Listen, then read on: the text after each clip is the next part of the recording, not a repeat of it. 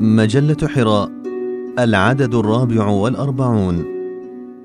الخواء الفكري وخطورته على الشباب بقلم الدكتور حسن عبد الله حمد النيل.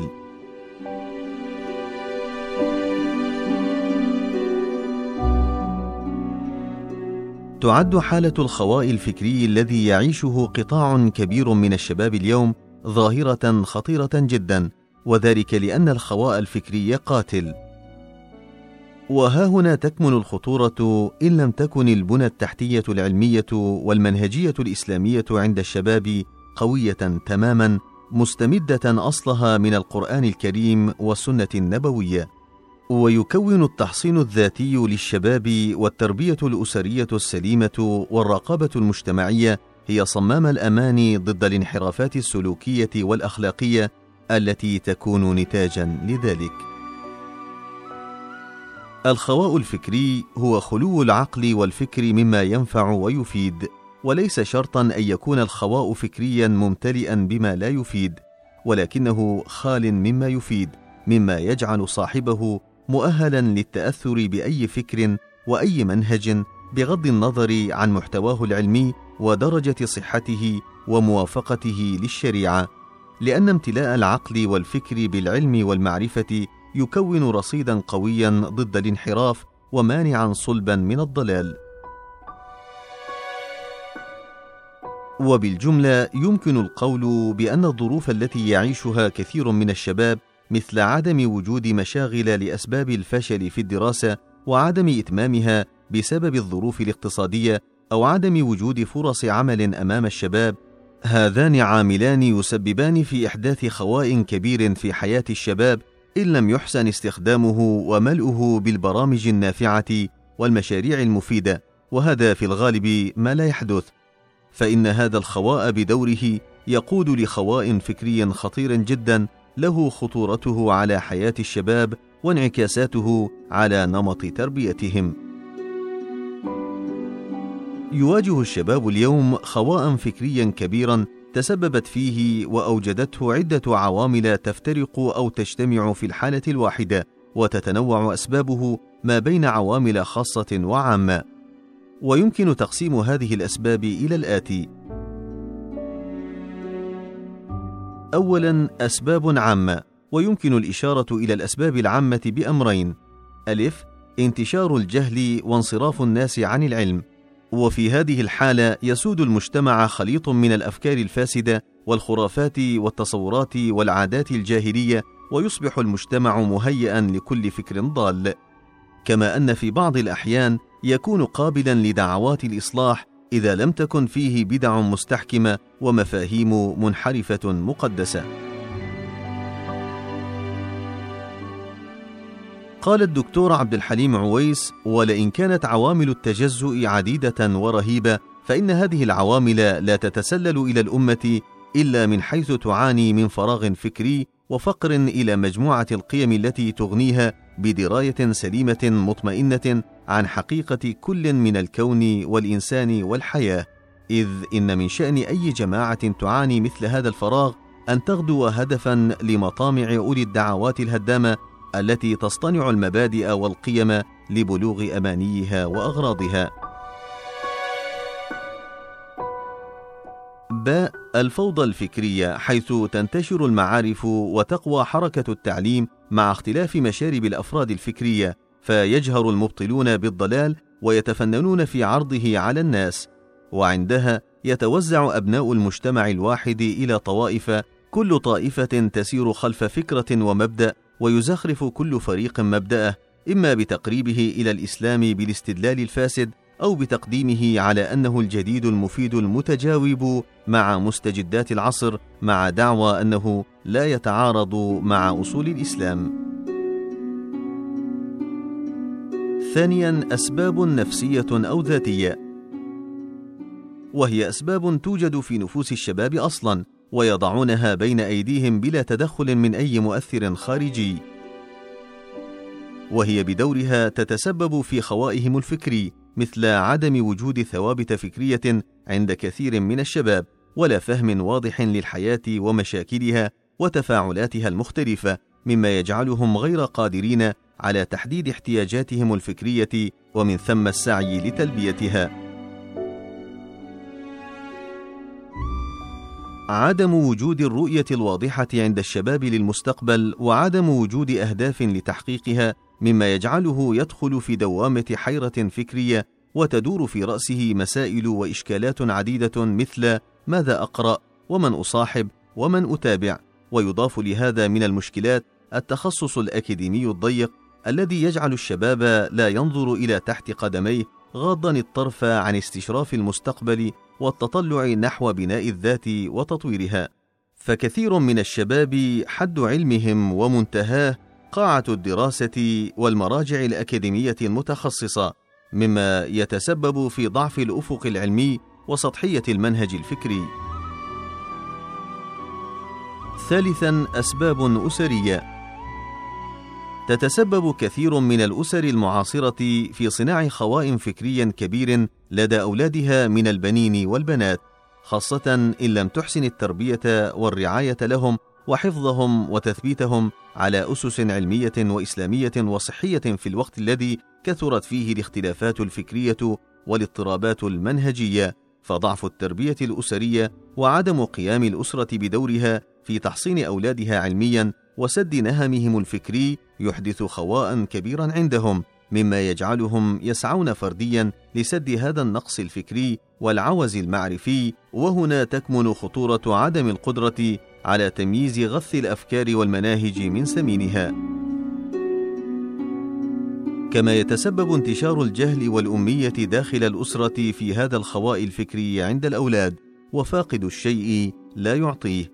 وهذا إضافة إلى ما تحدثه الظروف المعيشية عالية الرفاهية إذا تضافرت مع ذلك الجهل وتلك الأمية. رابعا أسباب اجتماعية. المعني بالأسباب الاجتماعية هو دور المؤسسات العلمية والأكاديمية التي تقوم على الرعاية والتوجيه في المجتمع. فعدم قيام هذه المؤسسات بدورها تجاه الشباب يخلق عندهم خواء فكريا يكون السعي لسده فرديا.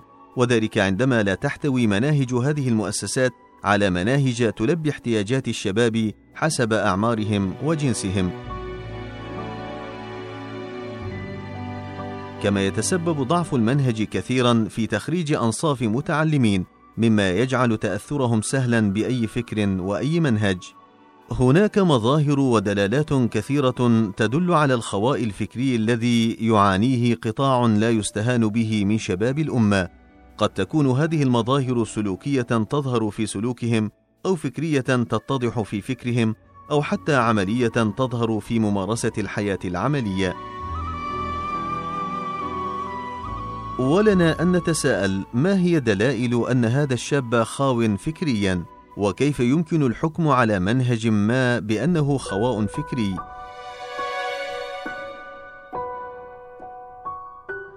في الواقع إن هنالك عدة مؤشرات فالشاب الخاوي فكريا يتسم بالسطحية في المناقشة وعرض الأفكار كما يظهر خواء الفكر في عدم الموضوعية في تناول المواضيع الجادة ذات الشأن كما أنه تغيب عنده الرؤية العلمية والمنهجية في الحياة.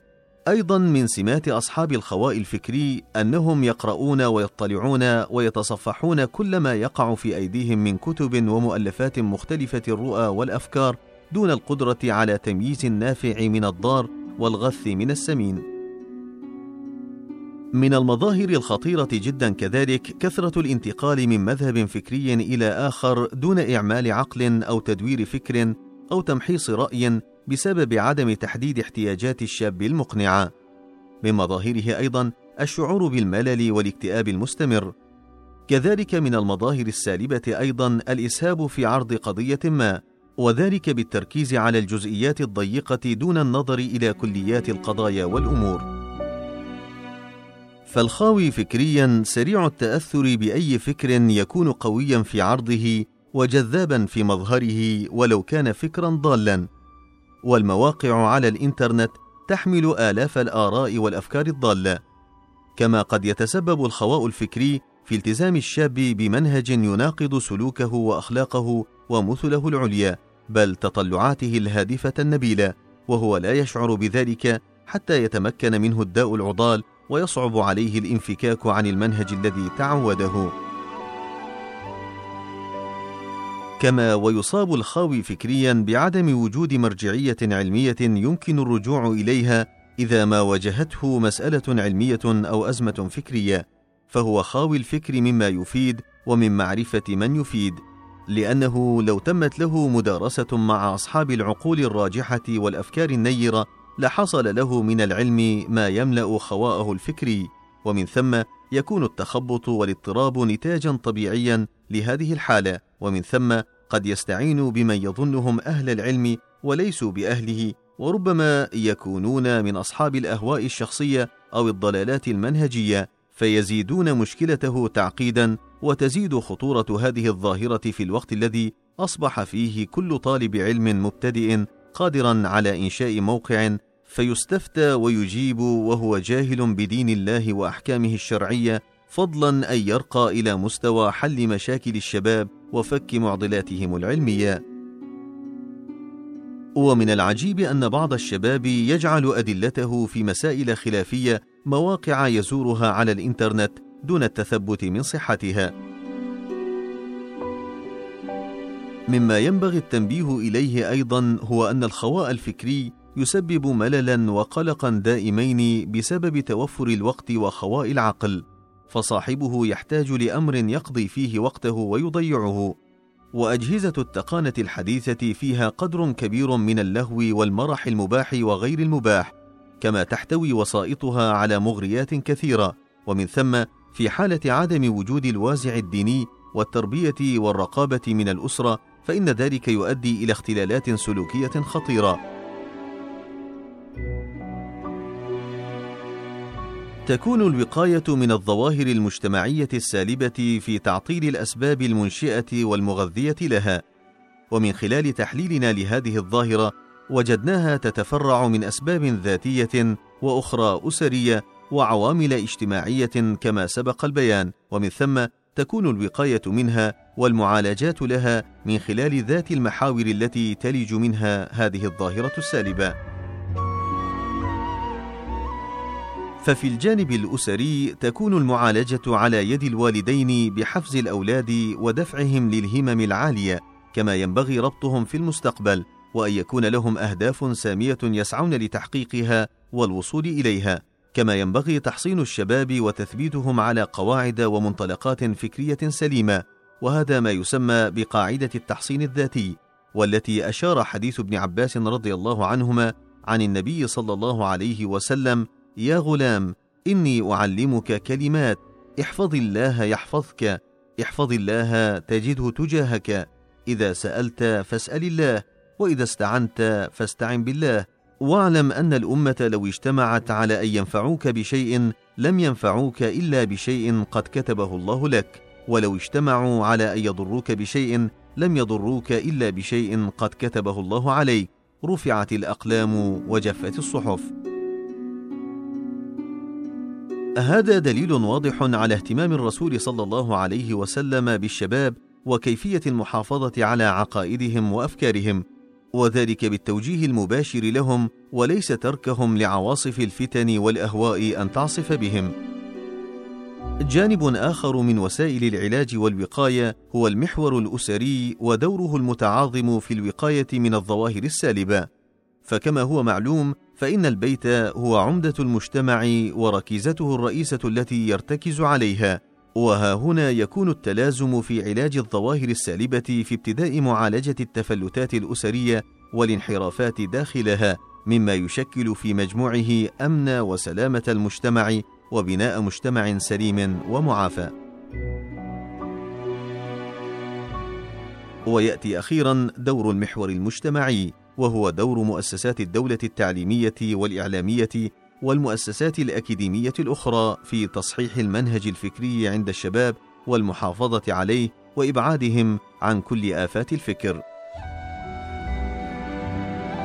الخلاصة ساهمت مؤسسة المجتمع في هذه الظاهرة إذ قلت المنتديات العلمية والفكرية النافعة واكتفت المؤسسات الأكاديمية بتخريج أنصاف المتعلمين وأصحاب النظر الضيق والأفق المحدود لا يرون المستقبل ولا يستشرفونه مكتفين بالنظر تحت أقدامهم. ولقد تنامت أهمية الدور المجتمعي في التربية السلوكية للأفراد في العصر الحديث بعد تراجع كبير لدور الأسرة وانشغال كثير من الآباء عن أولادهم مما أحدث فجوة تربوية كبيرة. كما انشغلت المؤسسات الأكاديمية وانحصرت في البرامج الدراسية المتخصصة في وقت تنامت فيه وازدهرت وسائل الاتصال مع المجتمعات الخارجية بسهولة ويسر ودخلت هذه الوسائط المرئية والمسموعة كمرب له أثره في الشباب وتوجيه أفكارهم وصياغتها وله أثره الظاهر في أخلاقهم. ومن ثم لا بد من مواجهة ذلك المد التقني الجارف بدور مجتمعي قوي وفاعل في توجيه الشباب والرقابة عليهم. ويقول الباحث التربوي محمد نبيل موضحا أهمية دور المجتمع على قدر تعدد الأوساط التربوية وكثرتها وترابطها يظهر تميز مؤسسة المجتمع في كبر مساحتها وسعة دائرتها وأهمية موقعها في حياة كل فرد ومستقبله. كما يتضح ذلك أيضا عندما يغادر الفرد بيئته أو مدرسته أو مسجده ويلتحق بالمجتمع وينخرط فيه ويتفاعل مع جميع أطيافه متدثرا بعوامل مناعية وسلوكية اكتسبها من خلال أسرته وأصدقائه ومسجده ومدرسته. ومن خلال تلك الاكتسابات السلوكية واستشعاره بدوره لتأكيد ذاته وأهميتها يشعر بأنه من خلال تكوينه التربوي عضو في مجتمعه فيحافظ على ذلك العضو الجديد ويطور مكاسبه الأخلاقية والتربوية والمعرفية. فيقعون صيدا سهلا لأصحاب المآرب الشخصية والعداوة للإسلام. كذلك كان لا بد من وقفة وقاية من هذه الظاهرة ومثيلاتها ولا بد من سبيل ناجح للعلاج مما أصاب الشباب من تراوح بين الخواء الفكري والاستخدام السيء للتقنيات. وأول خطوات الوقاية والعلاج هي الأسرة إذ إنها أول لبنة في المجتمع فلا بد أن تقوم بدورها المنوط بها نحو أبنائها والمنسوبين إليها تحصينا ومراقبة ومحاسبة على الأخطاء المرتكبة داخل الأسرة وخارجها. كما ينبغي أن تقوم مؤسسات المجتمع بدورها الموكل إليها في سد ذرائع الفساد والفتنة الموجهة للشباب الذين هم رجال المستقبل وصناعه حتى لا يصاب غدا المجتمع بالشلل الحركي فتتعطل قوته وتقل فاعليتها ويصبح المجتمع عالة على ما حوله من المجتمعات مكتفيا بالاستهلاك منها لبضائعه القيمية والفكرية كما ينبغي أن تراجع مؤسسات التعليم مناهجها لتخريج شباب ذوي رسالة ينفعون بعلمهم وينتفعون به. وعلى الشباب ألا يضيعوا جهدهم وأوقاتهم فيما يعود عليهم بالوبال والحسرة وأن يكونوا بعيد النظر غير منجرفين وراء الشهوات والفتن التي تحد من تقدمهم ورقيهم الإنساني.